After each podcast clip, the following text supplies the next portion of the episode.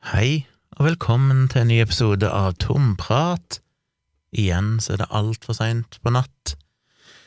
Og jeg tenkte først jeg skulle bare gjøre dette til en episode der jeg bare sånn ah, nå blir det en liten dagbokoppdatering. Men så ser jeg jo i mailboksen min at jeg har noen mailer som jeg jo kan ta uforberedt og på sparket, så vi får se hva denne episoden ender opp med. Det blir nok litt mer eh, simuleringsteori, for jeg har fått eh, flere tilbakemeldinger på det, som er interessant. Jeg skal si litt om hva jeg har gjort i det siste, og så har jeg jo fått et annet spørsmål, der vi er litt innom dette med vaksinering igjen. Men før jeg gjør det, så kan jeg jo si hva jeg har gjort eh, i det siste. Jeg, Forrige episode var vel eh, på fredag, da hadde jeg kommet hjem fra Oppdal en liten tur, så det har jeg vel snakka om. På fredag så fikk jeg jo andre dose av vaksinen, så først det fredag, altså om eh, tre-fire dager, så er jeg fullvaksinert, regna som fullvaksinert, ei uke etter andre dose. Og det syns jeg jo er ganske befriende og deilig. Uansett hva som skulle skje med nye mutasjoner og så videre, så det, mm, ser det iallfall ut til å være veldig stor sannsynlighet for at uansett hva som skjer, så har en iallfall vesentlig beskyttelse, om man så er kanskje noe lavere med enkelte mutasjoner så må man alltid huske på at det man se i, i kombinasjon med risikoen som er i samfunnet generelt sett. Så jo flere som blir vaksinert, jo færre er det som er smitta, jo mindre utbredelse er det av viruset, og da kan en òg tåle en litt dårligere effekt og, og klare seg bra. En veldig, veldig høy beskyttende effekt, sånn over 90-95% er veldig nyttig hvis det er veldig mye smitte i samfunnet men desto mindre smitte det blir, jo mindre beskyttende effekt kan en òg tåle, fordi at vi alle beskytter hverandre. Så jeg, jeg, føler meg ganske trygg på at det er en god ting. Så om noen få dager, altså, så er jeg eh, rett og slett fullvaksinert, og det er ganske deilig. Noen lurer kanskje på hvordan det var å ta andre dosen. Det har jo vært rykter om at eh, andre dosen av mRNA-vaksinene, Pfizer og Moderna sin, er litt hardere. Du kan, det større risiko for at du kjenner noe etterpå, med kanskje feber, slapphet, hodepine og sånn. Det gjorde ikke jeg, heldigvis. Hadde egentlig ikke forventa å gjøre det heller, for jeg reagerer aldri på vaksiner. Uh, var ørlite grann vondere å ta, det er jo bare tilfeldigheter. Av det så treffer de veldig bra, sånn som de gjorde på den første dosen, som jeg ikke engang merka at de stakk innholdet. Mens denne gangen så var det to sekunder med svie, gikk veldig fort, og bare boff inn, og så inject, og så ut igjen. Det var ikke en sånn langdryg injisering, men det var bare inn, sprut, ut, sa brura. Så eh, ja, det gikk veldig fint. Jeg var litt øm i armen i halvannet døgn igjen, halvannet-to døgn, sånn som jeg var med første dose, men det var ikke noe særlig ille i det hele tatt, så merka ingenting, tenner slapphet, ingen hodepine, ingen feber, ingenting. Var helt fin og normal, så det trenger ikke folk å grue seg til. Noen få prosent opplever det. Jeg tror de aller fleste ikke merker noen ting spesielt. Så det går veldig bra, og det er en god følelse å ha begge dosene innabords like etter vaksinen. Jeg tok vaksinen omtrent midt på dagen nede på Alna vaksinesenter, og så måtte jeg hoppe i en taxi og kjøre til NRK på Marienlyst, for der skulle jeg være gjest i, en, uh, i et radioprogram med den godeste Espen Thoresen, som hadde med seg en liten sidekick som heter Berit Boman. Det var kanskje feil å si en liten sidekick, men den sjølveste Berit Boman. Eh, jeg kom inn i radiostudio, og jeg skulle være med og snakke litt om konspirasjonsteorier. No surprise. Og han skal ha, Espen Thorsen skal altså, så vidt jeg har skjønt, jeg vet ingenting om dette egentlig, han skal ha et program, så vidt jeg har skjønt, i sommer, så det jeg var med på, blir vel sendt, eh, de snakker om 10. juli, kanskje.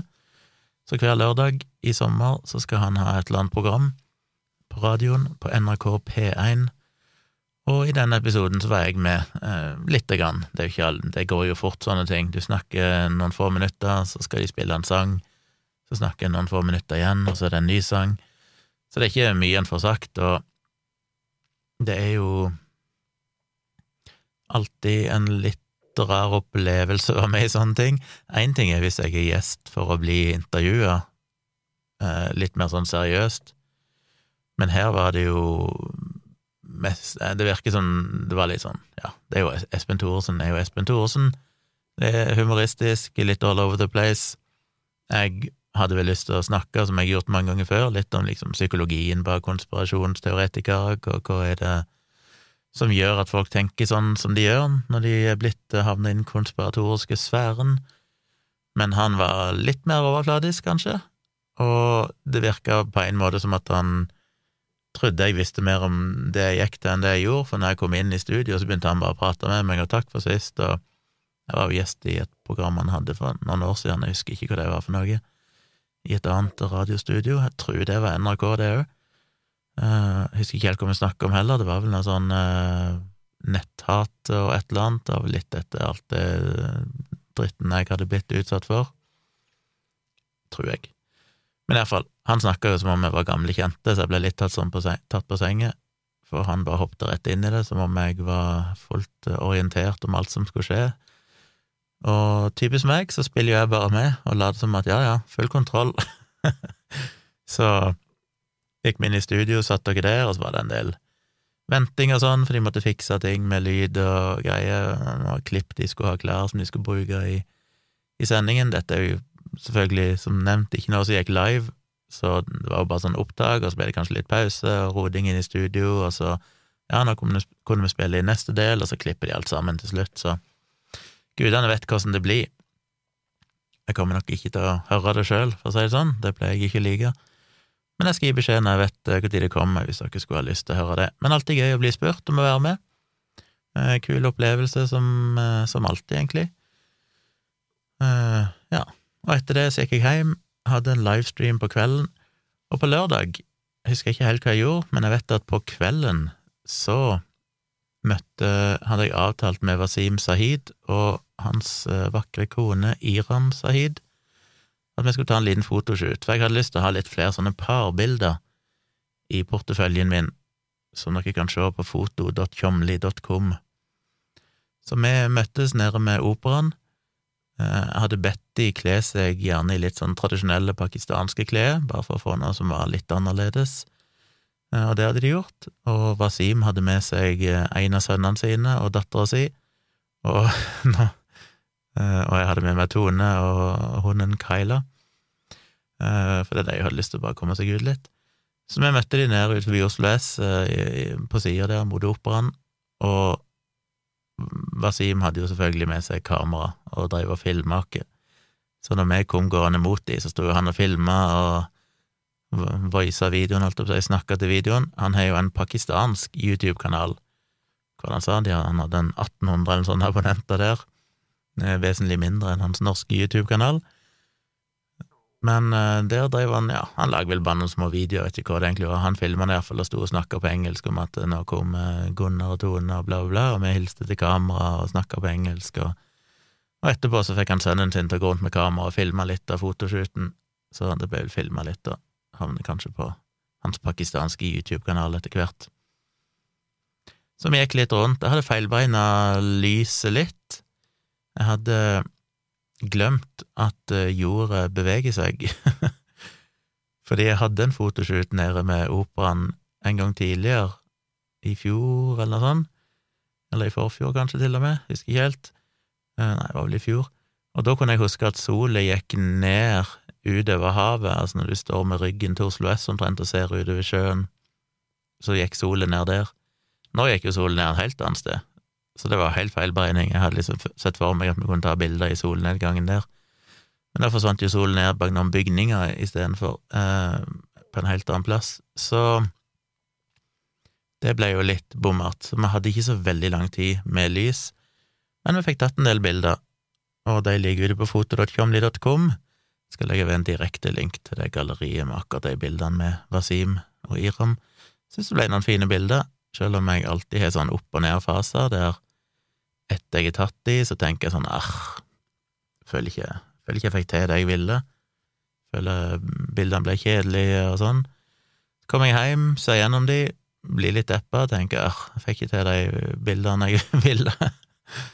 og så eh, lar det ligge litt, og så kikker jeg på de på nytt, og så kommer den der verste jobben, som jeg alltid, som jeg har sagt tidligere, Det er å velge ut bildene, gå gjennom de og finne ut noen bilder skal jeg redigere.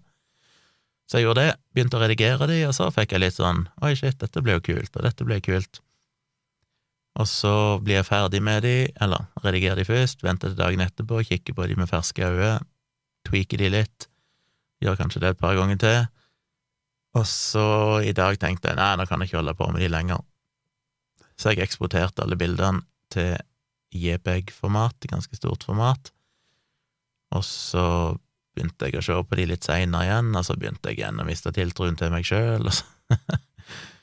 så det er sånn det Men nå er en av de bildene her, de får være som de er, jeg lærer jo noe hver gang, håper de ser uh, ok ut, så jeg legger ved en direkte link til det galleriet, så dere kan gjerne kikke på dem hvis dere har lyst. Jeg har jo delt de på Facebook-sida mi, jeg har jo ei fotoside som heter Tjomli foto inne på Facebook, den kan dere gjerne søke opp og like hvis dere vil det, det er alltid hyggelig med følgere. Poster ikke så mye der, så dere kommer ikke til å bli nedspamma, men i ny og ne når jeg har en fotoshoot eller har noen nye bilder, så poster jeg gjerne noen få av de der, og så kan, så kan dere klikke dere videre inn på foto.tjomli.com for å se resten, som regel. Så kommer jeg vel ut og poster de på min Instagram, og det er jo veldig kult hvis dere vil følge den. Jeg har jo to Instagram, en som heter Civix, som er min private, som er det samme navnet som jeg bruker på Twitter, der jeg òg heter Civix, der kan dere òg følge meg. Men til foto, eller til Tjomli foto, så har jeg en egen Instagram-konto som heter Sivpix. Akkurat det samme som min private, bare med en P inni der, som jeg jo syns er supergenialt. Sivpix. Så følg gjerne den, CIVPIX, på Instagram, så ser dere litt av bildene jeg poster der òg. Men jeg syns jo alltid det er gøyere at folk ser bildene inne på nettsida, for der får du de større og i bedre format og sånn. Når du poster de på Instagram, så gjør jo Instagram litt komprimering og sånn, så de blir ikke nødvendigvis like fine, og så må du gjerne croppe de litt, fordi Instagram har noen faste formater, så kanskje må jeg kutte litt i toppen eller bånden, og det liker jeg ikke. og så det som er på Instagram, er jo en slags liten smakebit, men jeg håper at folk vil sjekke ut fullversjonen av bildene inne på nettsida mi. Så det var dagens oppfordring. Og så har jeg jo gjort noe i dag som jeg nesten ikke trodde jeg kom til å gjøre, og det var at jeg plutselig ble oppmerksom på at det var noe som heter for Oslo Kameraklubb tenkte jeg det må jeg sjekke ut, så jeg googla det og fant nettsidene. Og der viser det seg at de har en del kurs, og det er de ikke alene om, jeg tror det er mange som holder fotokurs i Oslo. Men uh, tilfeldigvis så, så jeg at de skulle ha et kurs som heter Portrettfoto gatelangs, og det har jeg jo litt sans for, for det er jo litt det jeg gjorde med Wasim og Iram, og det har jeg gjort mye før med disse modellshootene mine, at det er, det er fotoshoots gjort gatelangs i det lyset som finnes der, stort sett. Og det vil jeg gjerne lære mer om. Så det var litt sånn prøveprosjekt, for jeg vet jo aldri med sånne kurs, kommer jeg til å føle at de er veldig basic, sånn at dette her kan jeg fra før. Eh, kommer det til å være bare masse idioter der som jeg ikke liker? eh, kommer jeg til å ha lyst til å bli kjent med noen, kanskje knytte noen kontakter innenfor foto? tenkte jeg vi får håpe i det, verdt et forsøk, så jeg meldte meg inn i Oslo Kameraklubb, for da fikk du 100 kroner rabatt på kurset, og så meldte jeg meg på kurset i tillegg, så det koster noen kroner, men eh, jeg møtte henne opp i kveld, skulle møte de andre ved Fontenen på Youngstorget klokka 17.30, så jeg troppa henne opp der og sto og hang, og så så jeg det kom noen andre med noe som ligna på kamerasekker, og så etter hvert kom det en instruktør, og så så hadde vi en liten teoretisk introduksjon, og så etterpå gikk vi rundt i gaten i Oslo. Og jeg må jo si at eh, for det første var det jo en veldig trivelig gjeng. De, mange av de var eldre enn meg, det var en del eldre folk der, men det var vel en to-tre som var kanskje min alder, ish.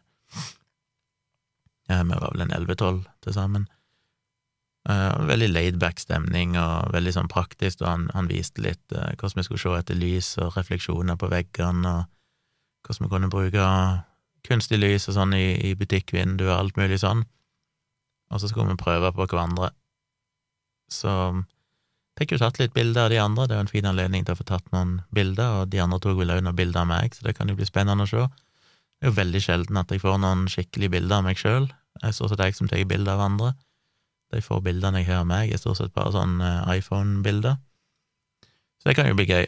Han skal opp, han instruktøren skal opprette ei lukka Facebook-gruppe til oss nå i etterkant, der han deler sine bilder, og vi kan dele våre bilder, så får vi se om det dukker opp noen fine bilder av meg. Det hadde jo kjekt å ha, hvis noen var heldig nok til at de klarte å catche meg i et bra øyeblikk. Så alt i alt øh, følte vel for så vidt jeg lærte noe. Det jeg lærte, var vel egentlig ikke noe spesielt sånn teknisk. Eh, den teoretiske innledninga var litt sånn basic, det er sånn 'dette kan jeg fra før', men det jeg lærte, var vel at en kan klare seg med mye mindre lys enn det jeg trodde. Jeg tror nok jeg har brent meg litt på det tidligere, at jeg har ofte jaga litt etter lys, men kanskje jaga etter litt for sterkt lys.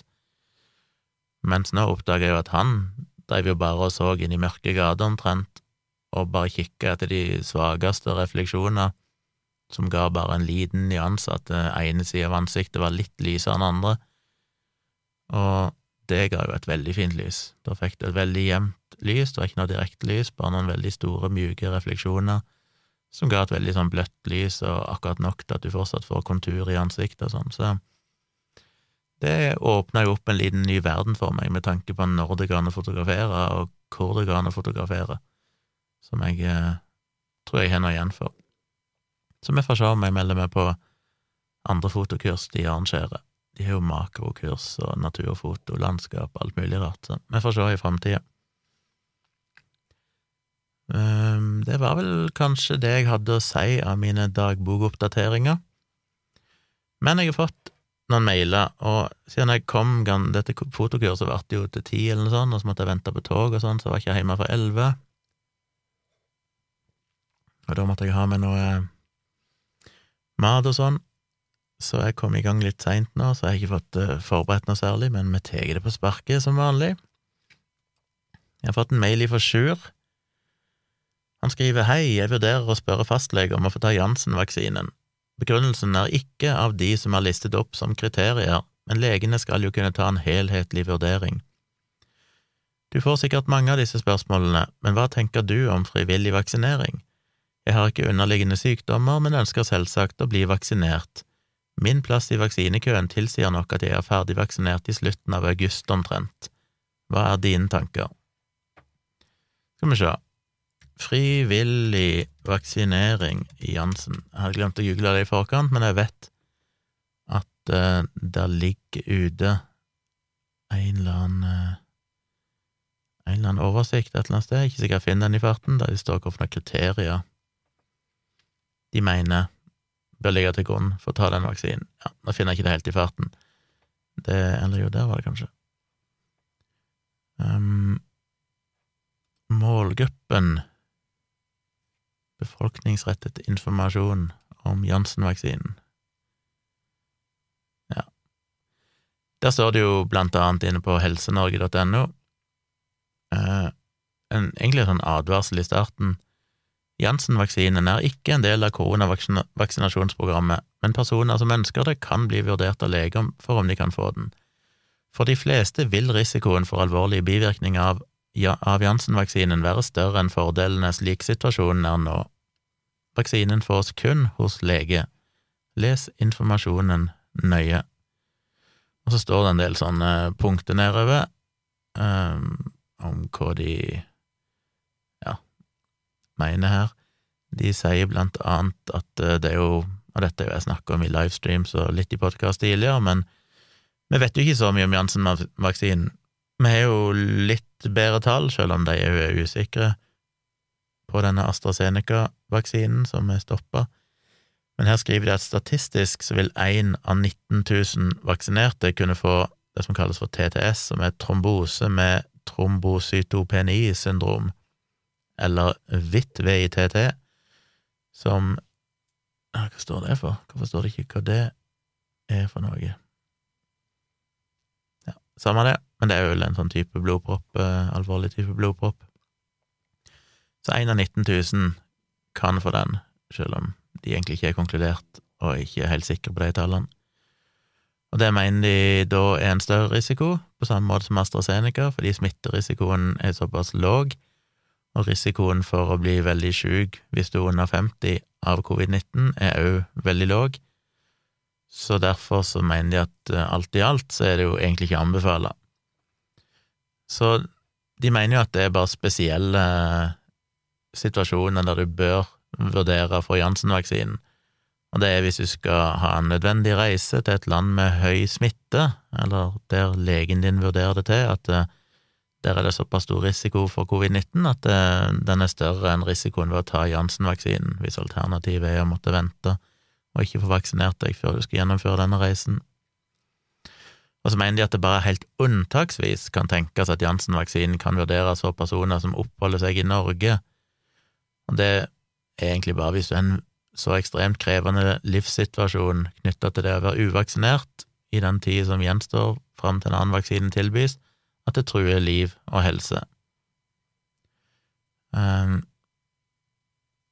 ja, så er det vel òg at hvis det foreligger alvorlig psykisk lidelse og eller fare for liv eller vesentlig svekkelse av livskvalitet som følge av langvarig isolasjon og eller tung tiltaksbyrde som gjør det umulig for pasienten å vente på vaksine i de ordinære koronavaksinasjonsprogram, og så kan òg legen vurdere din konkrete medisinske situasjon og bare si at eh, ja, hvis du har underliggende sykdom eller et eller annet sånt som gjør at risikoen din er større ved å ikke bli vaksinert, eller ved å vente på en annen vaksine, enn å ta Janssen-vaksine. Selv om det høres vel ut som et ikke så veldig relevant punkt, bare fordi at de som har såpass alvorlige sykdommer, skal jo egentlig ha blitt prioritert i det ordinære koronavaksinasjonsprogrammet. Um, og så skriver de jo noen punkter på når de mener, altså Helsedirektoratet mener det er vanskelig å forsvare bruken av Janssen-vaksine, og det er hvis du er rett og slett er i Norge, generelt sett, så er det egentlig ingen grunn til å velge Janssen-vaksinen.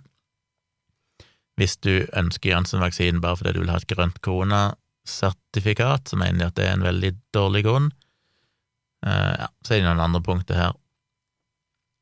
Så det er, er kort sagt uh, det som er greia, og til syvende og sist er det jo legen som vurderer dette.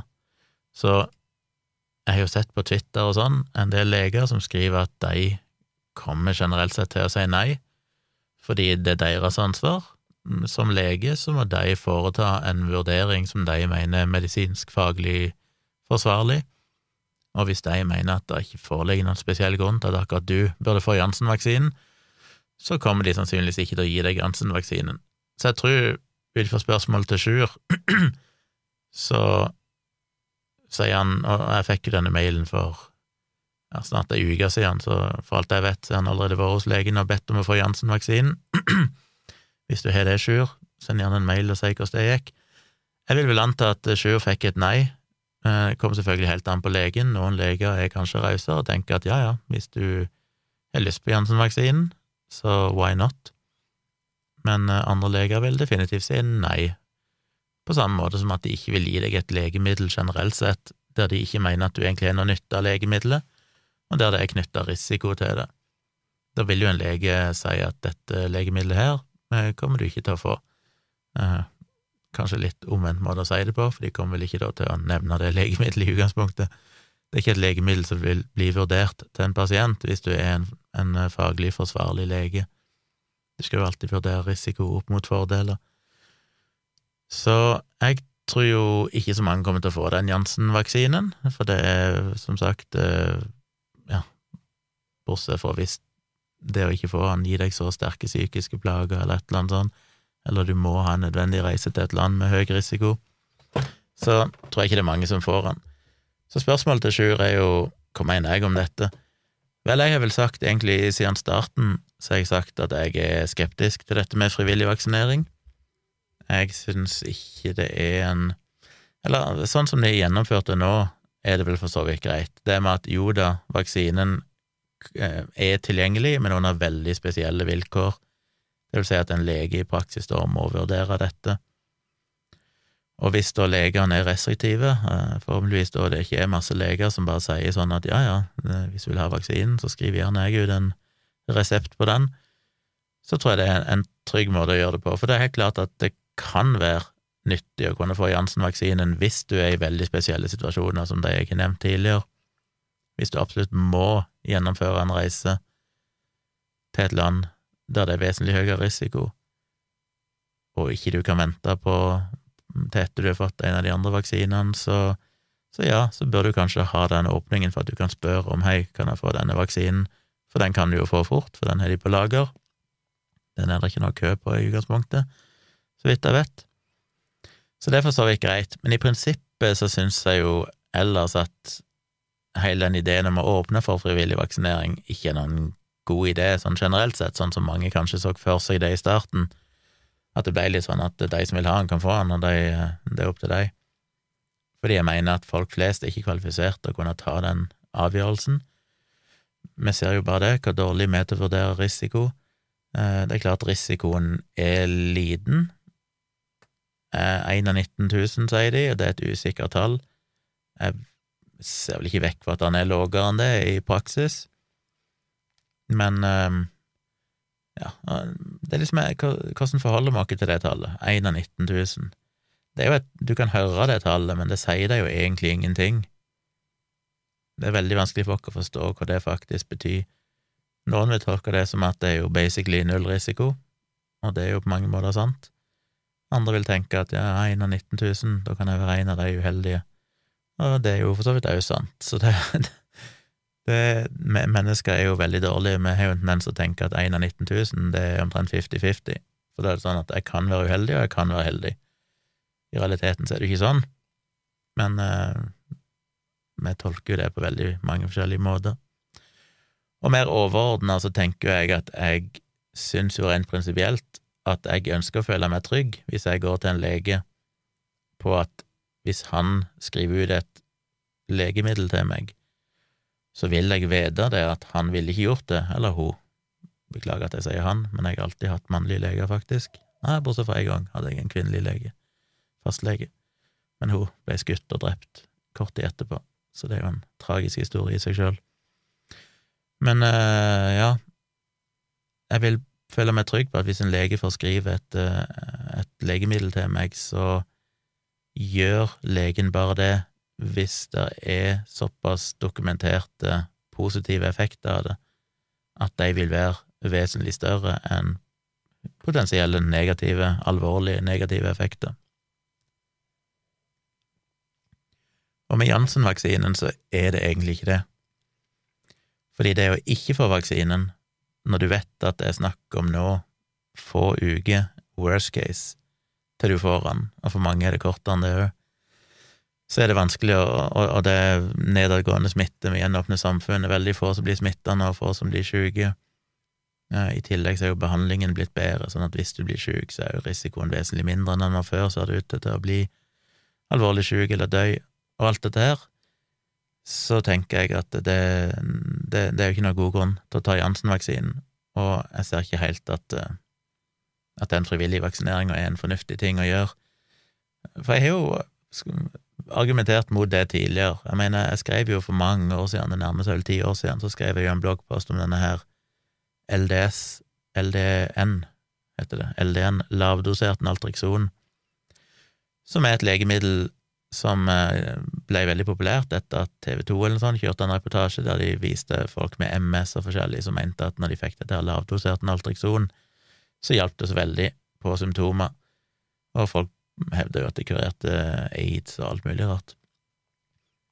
Og eh, salget av lavdosert Naltrexon gikk jo i taket. Jeg tror det steig med mange tusen ganger eller noe sånt i Norge etter den eh, dokumentaren. Men problemet er jo bare at det fantes jo ingen dokumentasjon på at det faktisk hjalp, og mest sannsynlig så hadde det absolutt ingen effekt. Og da fikk jo legene et dilemma, for da ble jo legekontoret rent ned i hele landet med folk som ville ha LDN. Og hva skal legen gjøre da? Det er, I det tilfellet så er det et legemiddel som ser ut til å være veldig trygt. Det er ikke egentlig dokumentert noen alvorlige bivirkninger med det. Skal legen allikevel tenke at ja ja, så lenge det ikke skader, og hvis pasienten vil ha det, så kan de vel få det, da, selv om ikke jeg tror det har noen effekt for dem. Det er jo alltid et etisk dilemma for en lege å sitte oppi. Når det da i dette tilfellet faktisk er en potensielt dødelig negativ bivirkning, dødelig bivirkning, i en veldig sjeldne tilfeller, så burde jo dere, det, den vurderinga være ganske enkel. Legen bør si nei, med unntak av noen veldig spesielle situasjoner, som tidligere nevnt. Men eh, det er et dilemma for leger å få dette spørsmålet og eh, mange har som sagt gitt uttrykk for at det kommer de til å si nei til. Så jeg vil nok si til Sjur, vent. Risikoen er fryktelig liten for at det er farlig å ta Jansen, men eh, risikoen er enda litt mindre for å bare vente, så vent heller. Det er mitt råd. Og jeg er ikke så happy for at eh, regjeringa la opp til at du skulle ha denne frivillige bruken, selv om måten det endte opp med å bli håndtert, for så vidt var streng nok til at det funker. Så over til et annet tema, simulering. La meg ta noen uh, mailer her som jeg har fått, jeg har fått mange mailer om simuleringsteorien. Og jeg skal rett og slett ta og lese en del av de. Jeg er ikke sikker jeg har noe fornuftig å si på alt, men uh, det kan jo gi dere som hører på, ting å tenke på. Hvis ikke dere har hørt tidligere episoder, gå tilbake igjen. Jeg hadde jo først en episode der jeg eh, snakka ganske grundig om denne simuleringsteorien, altså leve med i en datasimulering så hadde jeg en oppfølgerepisode der jeg tok for meg litt mer om det, basert på feedback, og nå er det jo tredje episoden, så du bør helst høre de første før du hører dette, for det skal gi mening. Men en mail ifra Håkon, han skriver Takk for mange gode timer god nei, mange timer god underholdning. Har litt innspill i forhold til simuleringsteori som jeg har tenkt en del på. Enig i at dette er noe man kan tro eller ikke tro på. Tror det nesten tror det er nesten umulig å bevise enten-eller. Punkt 1. Vedrørende om en sivilisasjon velger å lage simuleringer eller ikke, så mener jeg at det er helt sikkert at det vil skje dersom det finnes ønske om makt eller kapitalisme. Ta eksempelet med for eksempel Google, som klarer å simulere først. De burde jo da starte for eksempel 10 000 simuleringer, kjøre de fra for eksempel 1940 til 1945 og se om historiske utfall er mulig å gjenskape. Dersom 9700 av simuleringene blir omtrent historisk korrekte, så bør de starte 10 000 nye simuleringer fra dagens dato. Kjører de i for eksempel 14 dager i 1,5x hastighet, så vil de ha et sannsynlig utfall av de neste dagenes utvikling, både i forhold til aksjemarked og alle mulige andre ting man kan tenke seg å se på. Kan jo stoppe der og bare si at ja, det er jo en interessant idé, Eh, poenget hans er jo at de bør kjøre det først mot noen historiske hendelser, for det vet vi jo utfallet av, så da kan de se om algoritmene egentlig virker. Og hvis det ser ut til at de virker, hvis de reproduserer en historie som stemmer overens med historiebøkene, så kan de vel anta at dette er gode algoritmer som ser ut til å funke, og da kan de òg kjøre de framover i tid ifra i dag, og bruke det til å spekulere i aksjer og, og tippe lottotall og alt mulig rart for framtida. Interessant eh, hypotese, interessant eh, tankegang. Og det er klart, kan du gjøre det, så er det jo selvfølgelig et veldig vektig insentiv for å gjøre det. Men du kommer jo allikevel tilbake til en del sånn praktiske begrensninger. Er det sannsynlig at du kan kjøre en såpass korrekt simulering uten at det vil koste mer i ressurser enn det du eventuelt kan risikere å tjene på det? Altså hvis dette vil Igjen så kommer vi litt tilbake, og det er andre mailer òg som snakker om det. Eh, det nevner han vel for så vidt i punkt to her i mailen sin. Jeg kan for så vidt ta den med en gang, da, siden det er relevant. Han skriver punkt to. Når det gjelder om man trenger å simulere hele universet, så mener jeg det er helt ulogisk å gjøre det, selv om man skal simulere alle partikler. Det vil si, hvis du velger å simulere for eksempel en femårsperiode, så trenger man egentlig bare, i gåsehudet, å simulere ca. ti ganger ti kubikklysår. Ettersom Ja, ti ganger ti, ikke det smør på flesk, altså ti kubikklysår, mener han vel. Ettersom man, ettersom man ingenting utenfor det noensinne vil Ettersom Skrev litt feil, men ettersom ingenting utenfor det noensinne vil nå vårt observerbare univers. Og det er jo et godt poeng. Det er jo innenfor en gitt tidsperiode så kan jo bare partikler bevege seg så langt, sånn at du kan kalkulere hvor langt ut må du før partikler utenfor den radiusen vil ha muligheten til å nå inn til vår del av, av, verden, eller påvirke noe som skjer på jorda. Eh, og da trenger du ikke å simulere noe som er utenfor der.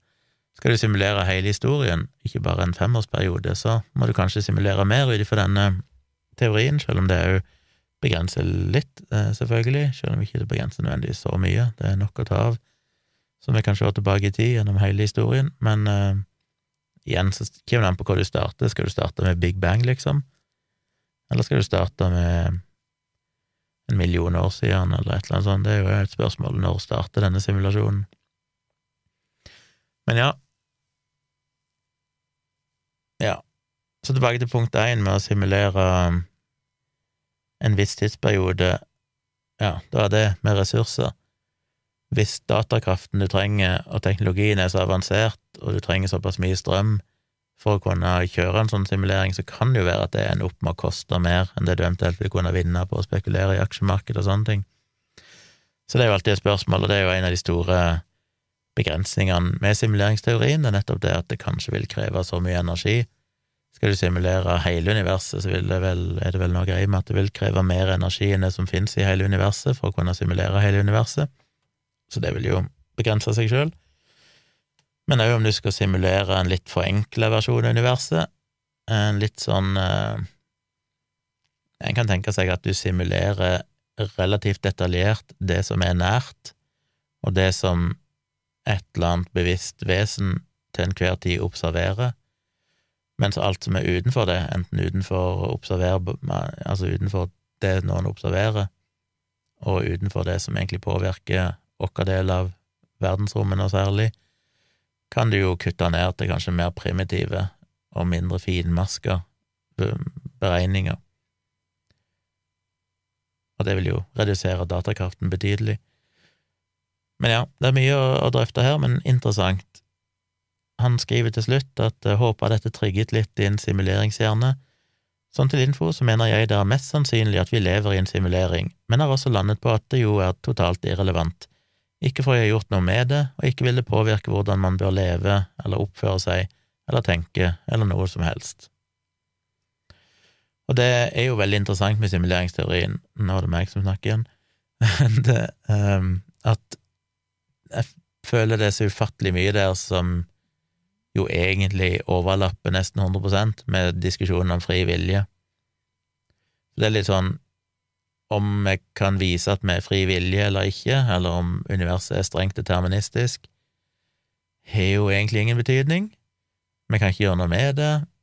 Eh, vi kan Jeg mener Ja, hvis det viser seg at vi ikke har fri vilje, som jeg vel kanskje ikke tror vi har Jeg har vel egentlig tro på et deterministisk univers, og at uh, Igjen kommer det jo veldig an på definisjonen, og jeg skal prøve å lage en episode om dette seinere i gang, der jeg går litt mer inn i det. Uh, for definisjonen av fri vilje må en jo konkretisere før en i det hele tatt begynner å diskutere hva det innebærer å ha fri vilje og ikke. Men iallfall, det er veldig overlapp her med simuleringsteorien, at uh, om vi så skulle finne ut at vi lever i en simulering, vil det ha noe å si? En kan jo si at ja, men da blir jo alt meningsløst, da trenger jeg ikke bry meg om noen ting lenger. Da kan jeg jo bare gå og drepe folk og stjele og, og voldta og Who cares? Klimaendringer har ingenting å si. Jeg kan uh, snuske til meg penger her og der og bli rik. Problemet er at det kan du jo ikke, for du er jo fortsatt en del av simulasjonen, og dermed så har du jo ingen kontroll over dine egne handlinger. Så, uh, så ja, da da er det jo ett fett, til syvende og sist. Og det er det som er så paradoksalt, som ofte gjør at du blir litt sånn svimmel av det. Det er sånn rekursivt, nesten, at hvis du hadde blitt helt overbevist om at du var en del av en simulering, så ville det endre hele ditt perspektiv på livet. Men så gjør det jo egentlig ikke det, fordi at hvis du oppdager det, og det endrer perspektivet ditt, så er jo bare det fordi at det allerede var en del av simuleringa, at det var det som skulle skje. Det er jo ikke en konsekvens av at du får vite om simuleringsteorien. Det er jo bare en del av nettopp det. Det, det er jo ikke endra noen ting. Det er akkurat sånn det var forutbestemt å være uansett. Så det har ikke så mye betydning. La oss se hva eh, Morten skriver. Han eh, er jo litt innom dette. Han sier hei, jeg er en relativt ny lytter, så jeg har ikke kontroll på alt du har ytret om film og serietips, noe jeg setter pris på at du baker inn i podkasten for øvrig. Jeg hørte på dine tilsvar i episode 200 om simuleringssimulasjon. Du snakker blant annet om formålet med en slik simulering, og særlig det om muligheten for å se i sivilisasjonens fortid og nærmest opptre som en gud, Jeg satt og ventet på at du skulle nevne serien Devs. Kanskje du ikke har sett den, kanskje du ikke likte den, men jeg syns det er innom det du har drodlet høyt om. Serien traff meg på en måte som, ja, det var nesten litt ubehagelig å se på. Kanskje du nevnte den, da fulgte jeg i så fall ikke godt nok med, og beklager eventuelt deretter. Ja, det var egentlig det. Så det skriver Morten. Og Morten, hvis du hører på dette, så er du helt rett, jeg nevnte ikke Devs, men hvis du er interessert i å høre hva jeg har å si om Devs, så kan du gå over til en annen podkast som heter Dialogisk, som jeg hadde med Dag Sørås, og i en av de seinere episodene, før vi slutta i desember i fjor, så avslutta vi den podkasten, så hadde vi en episode om nettopp det. Skal jeg sjekke her Dialogisk Skal vi se hvilken episode det kan ha vært. Hvis jeg finner en uh, oversikt over episodene her. Vet, vi hadde jo sånne Jo sånne kryptiske titler. Så jeg tør jo ikke si hvilken episode det kan ha vært. Nei, det finner jeg vel ikke sånn i farten, dessverre. Hm. Men nå skal vi se. Det var ikke den. Kan det ha vært den? Nei. Nei, jeg vet ikke om jeg finner den i farten. En må nok kanskje gå lenger tilbake i tid enn det jeg trodde. Hm. Anyway, hvis noen vet hvilken episode det var, vi snakker om devs, så Nei, der var det kanskje. Var det den? Var det så lenge siden? Jeg trodde det var en av de siste episodene. Ja, der, ja. Episode 129, som heter Multiparallell. Episode 129 av podkasten som heter Dialogisk. Den er beskrevet som følger Dag og Gunnar slukes inn i kvantefysikkens verden mens de muligens spoiler HBO-serien Devs. Har vi fri vilje, eller er universet deterministisk? Hvis Gunnar hadde kunnet reise tilbake i tid, hadde ikke Jesus fått mye privatliv, og kanskje Dag har rett i at denne ukas filosofiske tankeeksperimenter ikke bør diskuteres i edru tilstand. Hva skjedde egentlig med Schrødingers katt, og hvordan kan et foton være på flere steder samtidig? Kanskje er hele universet Kanskje er hele universet vi lever i, bare en simulasjon, eller et av mange parallelle univers, men spiller det egentlig noen rolle? Så ja, episode 129, Morten av Dialogisk, der snakker vi ganske grundig om nettopp devs, eh, og setter det vel litt inn i denne simuleringsteori-greia, og jeg gikk vel, så vidt jeg husker, litt bananas i å prøve å huske alt jeg hadde lest om kvantemekanikk ifra gamle dager med dobbeltspalteeksperiment og all mulig rart, så det ble vel en, eh, en rar episode. Men det er definitivt eh, relevant, og det er jo det jeg var litt innom her med forrige mail òg, dette her med En sånn simulering forutsetter jo egentlig at universet er fullstendig deterministisk. Eh, premisset i Devs er jo at hvis du på et hvilket som helst tidspunkt, for eksempel akkurat nå, kjenner posisjonen til et gitt antall partikler, for eksempel posisjonen i ja, i, det, i den serien brukte de vel, hvis jeg husker rett, ei mus eller noe sånt. Hvis du kunne eh, registrere alle atomene, alle elementærpartiklene, i en eller annen organisme på et gitt tidspunkt, så kunne du òg, basert på det, regne deg tilbake igjen i tid, og egentlig da òg kunne utlede alle partiklene i universet sin posisjon til ethvert tidspunkt, både bakover og framover i tid.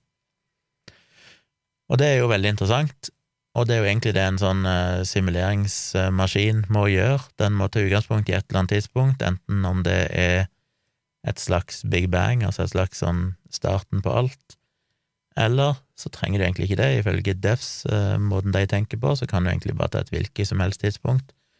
For kjenner du nok partikler, så kan du ut ifra dem utlede hvordan alle andre partikler må ha vært bakover i tid, som de har hatt eh, interagert med over tid, og gitt lang nok tid, så vil kanskje alle partikler ha interagert med alle andre partikler. Så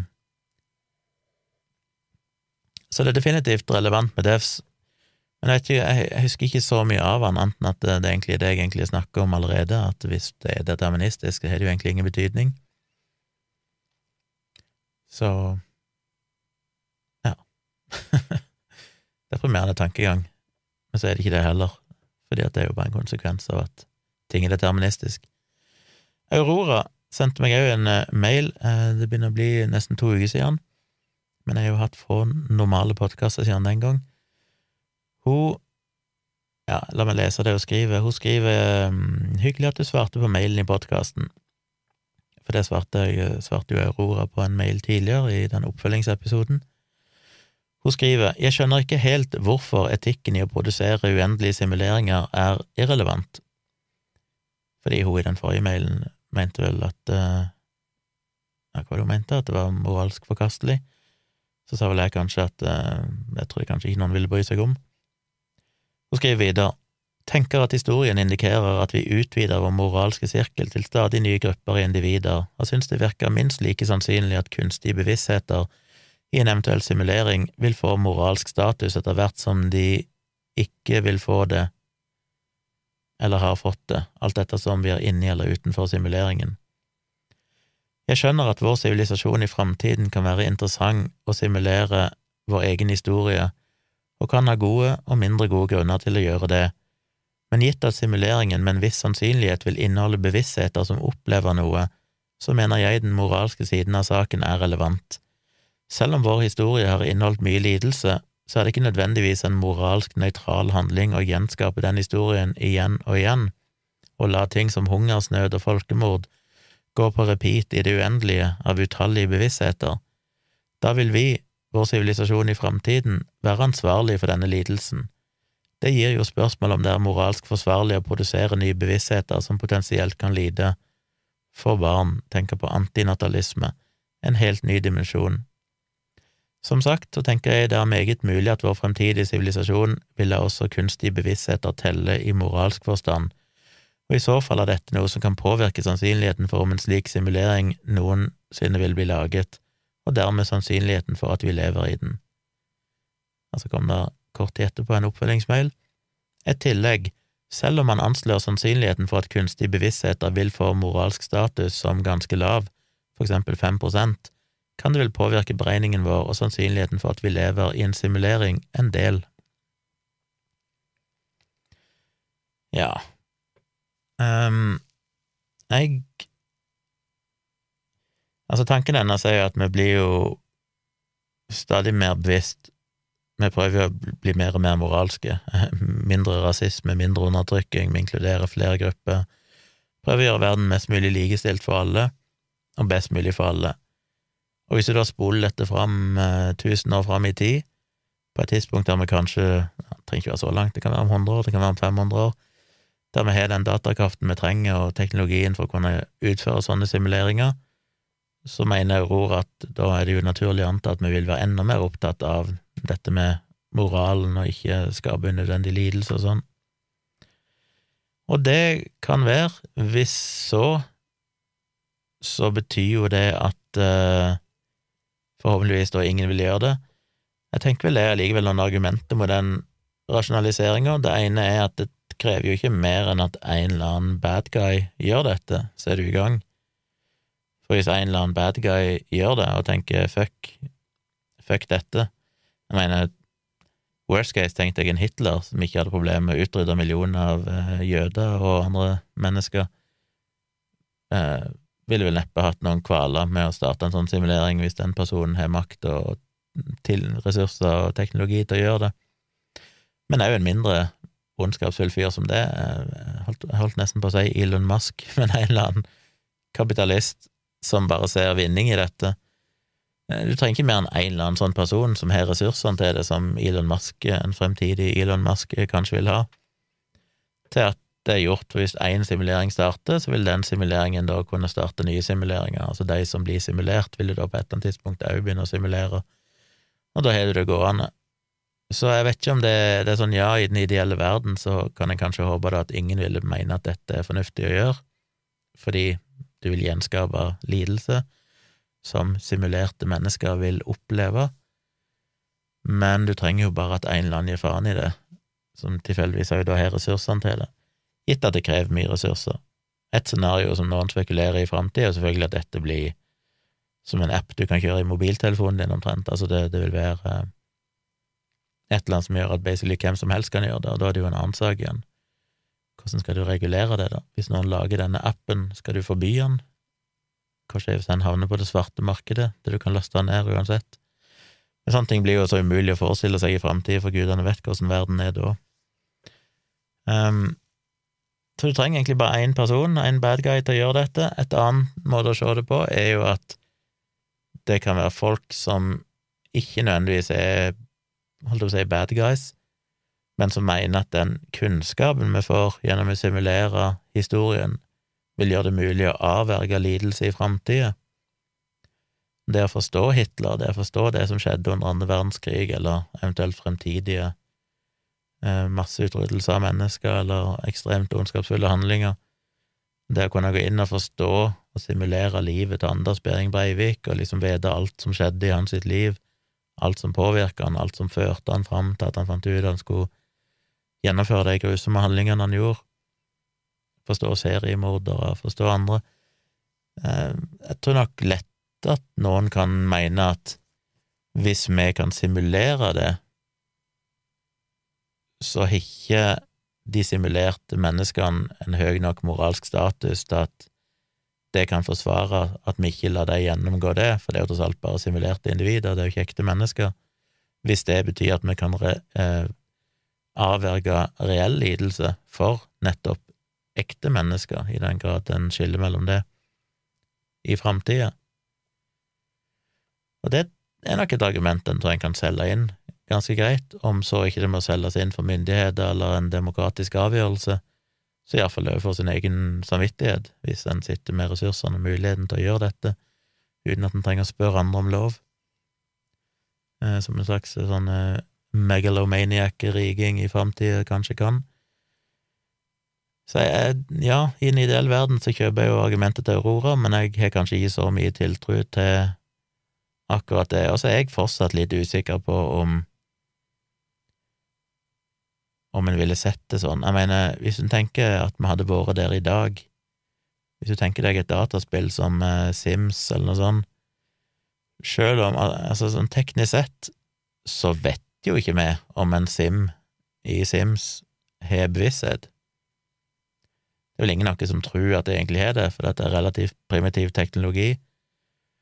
Men vi vet jo ikke, vi vet jo ikke hva som egentlig kreves for å ha en bevisst opplevelse. Vi vet jo teknisk sett ikke om den Mac-en jeg sitter her og spiller inn på nå, har en slags bevisst opplevelse. Altså, hvor komplekst må det være før en bevissthet oppstår?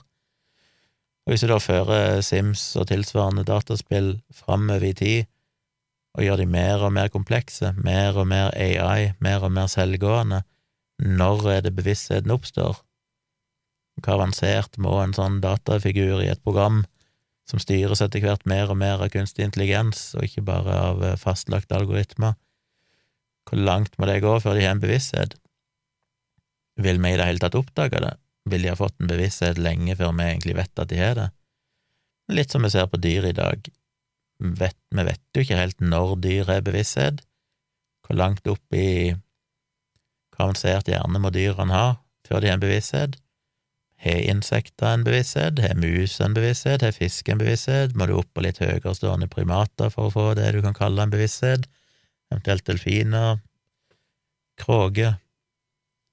Vi vet jo ikke, men stort sett så bryr vi oss ikke heller. Vi har jo tross alt en verden som eh, et stort flertall fortsatt spiser dyr, selv om egentlig har all informasjonen vi trenger for å kunne argumentere for at om ikke annet, iallfall i et sånt føre-var-prinsipp, så bør vi anta at dyrene faktisk er bevisste nok til at de fortjener å bli behandla bedre enn det vi gjør. Men vi klarer ikke det i dag, så jeg er litt usikker på om det vil endre seg så mye i framtida hvis vi går over til rent virtuelle enheter. Hvor mye må til før vi blir overbevist om at disse har en moralsk status, disse har en bevissthet som er verdt å bry dere om.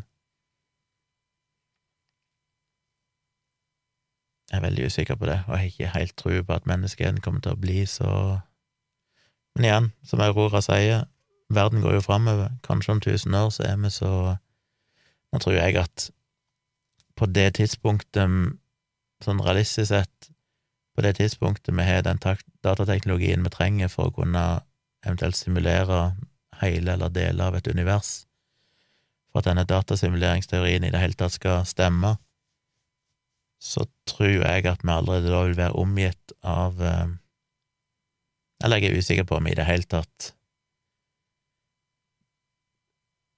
Jeg er litt usikker på om det i det hele tatt vil eksistere biologisk bevissthet på det tidspunktet. For hvis vi har såpass avansert teknologi, så tror jeg òg vi vil bikke over der vi innser at en biologisk kropp er fullstendig unødvendig. Det er jo bare en hassle. Du får kreft før eller uunngåelig hvis du lever lenge nok, eh, og du får utallige andre problemer underveis.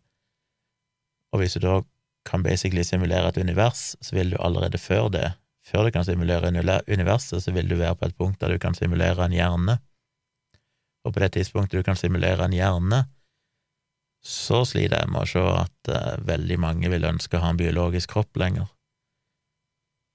Fordi igjen, akkurat som i simuleringsteorien, hvis jeg kunne Altså, jeg vet jo teknisk sett ikke om jeg fungerer enten er en del av en datasimulering, men selv om jeg eksisterer i en slags virkelig verden, så kan det jo være at jeg kun er en simulert hjerne. At eh, jeg sitter oppi en boks et eller annet sted som en simulert hjerne. Det vet jeg jo heller ikke, jeg vil ikke merke noe forskjell. Så hvis du har valget mellom å være en simulert hjerne, der du for eksempel da hadde en garanti om at du aldri ville få kreft, og du ville bare leve et lykkelig liv og få oppleve alt du kunne ønske deg i livet, eller leve som et biologisk vesen med risikoen for skader og kreft og ulykker og psykiske problemer og sorg og alt dette her, tror det vil være et ganske stort marked for å bare eksistere som en digital hjerne, en digital enhet, eh, entity. Og hvis du har det valget, og som sagt, dette må vel per definisjon komme før det punktet du kan simulere et helt univers, ettersom en må anta at å simulere et univers er enda mer komplekst enn å simulere en hjerne eller en bevissthet. Og da lurer jeg på hvor er de, hvor er i hele tatt disse biologiske menneskene som skal gjøre dette? Vil ikke i praksis da være bare digitale hjerner som da eventuelt velger å simulere et univers, og hvilken moralsk oppfatning vil da de digitale hjernene ha? Kanskje en større empati, for da er de sjøl bare en simulasjon, eh, og en simulert hjerne vil kanskje ha større sympati for at andre simulerte hjerner kan, bør respekteres, eller kanskje de bare ikke bryr seg.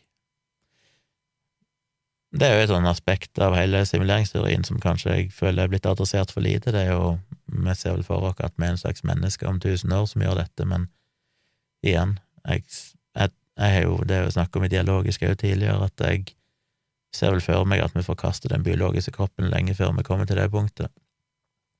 Og da er jo spørsmålet hvem som egentlig styrer denne verden, og, hvordan moralsk oppfatningen egentlig har lenger om noen ting som helst.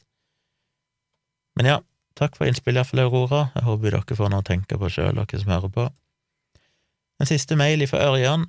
Han sier hei, synes det er knall med episoder som ikke handler i like stor grad om covid som før. Takk. det er mange som har covid-fatigue her. Long covid, som det heter på fagspråket. Når det kommer til simuleringsteorien, så er det ett punkt jeg ville lagt til, for hvordan vet man hvordan det opprinnelige universet ser ut? For det er jo ikke gitt at man simulerer en kopi av eget univers i størrelse og form, eller er jeg helt ute? Eksempel, vi mennesker lager spill som for eksempel GTA, som man kan tenke seg som en liten simulert verden uten bevissthet, men datakapasitetmessig så er det ikke noe problem for oss å lage en verden på denne størrelsen. Så hva om den opprinnelige universet ser totalt annerledes ut og er enormt mye større, som har laget universet vi lever i, og for å teste og for å teste et tenkt fantasiunivers, fantasi for dems del, litt som i Avatar-filmen. Eh, jeg ser i hvert fall ikke noen grunn til at det opprinnelige universet skal være likt det vi lever i.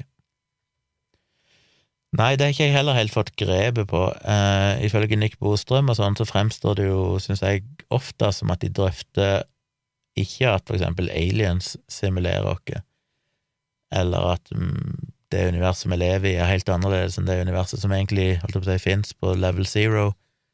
men at det er mennesker i framtida som ønsker å rekjøre eh, på nytt hele historien, sin egen historie, sånn at det basically er nøyaktig det samme universet.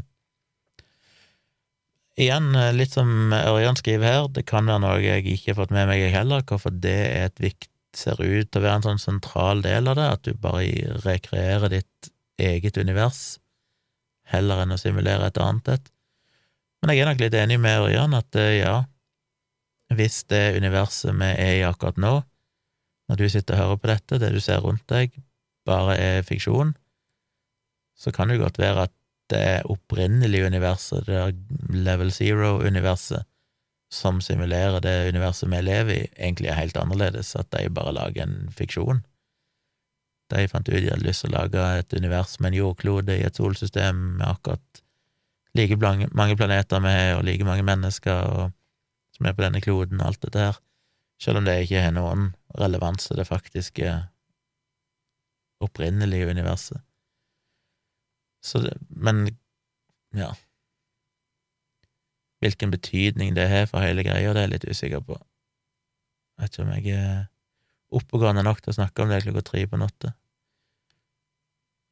Men det er iallfall noe dere kan tenke på. Jeg tar gjerne imot flere mailer om simuleringsteorien.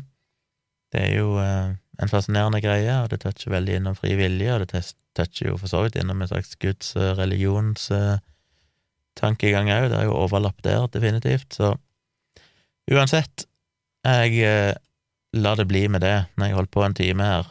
Jeg har fått tatt noen mailer.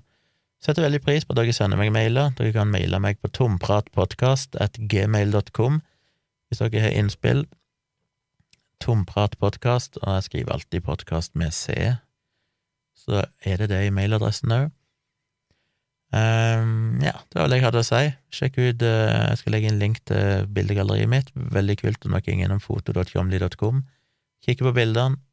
Det går an å booke meg til bryllup og parbilder og portrettbilder og event Eh, arrangementsfotografering og firmafotografering, alt mulig rart. Eh, dere finner informasjonen på foto.tjomli.com. Og da tror jeg ikke er så mye mer å si. Anten takk for at dere hørte på. Sjekk ut uh, min andre podkast, Virkelig grusomt, som kommer med en ny episode hver mandag, der meg og min samboer Tone forteller grusomme historier fra virkeligheten. Og så er jeg tilbake igjen med livestream i kveld, tirsdag 15. juni, tror jeg, hvis ikke det skjer noe annet. Og iallfall tilbake med en podkastepisode på fredag. Ja, takk for at du hørte på. Ha ei fin uke videre.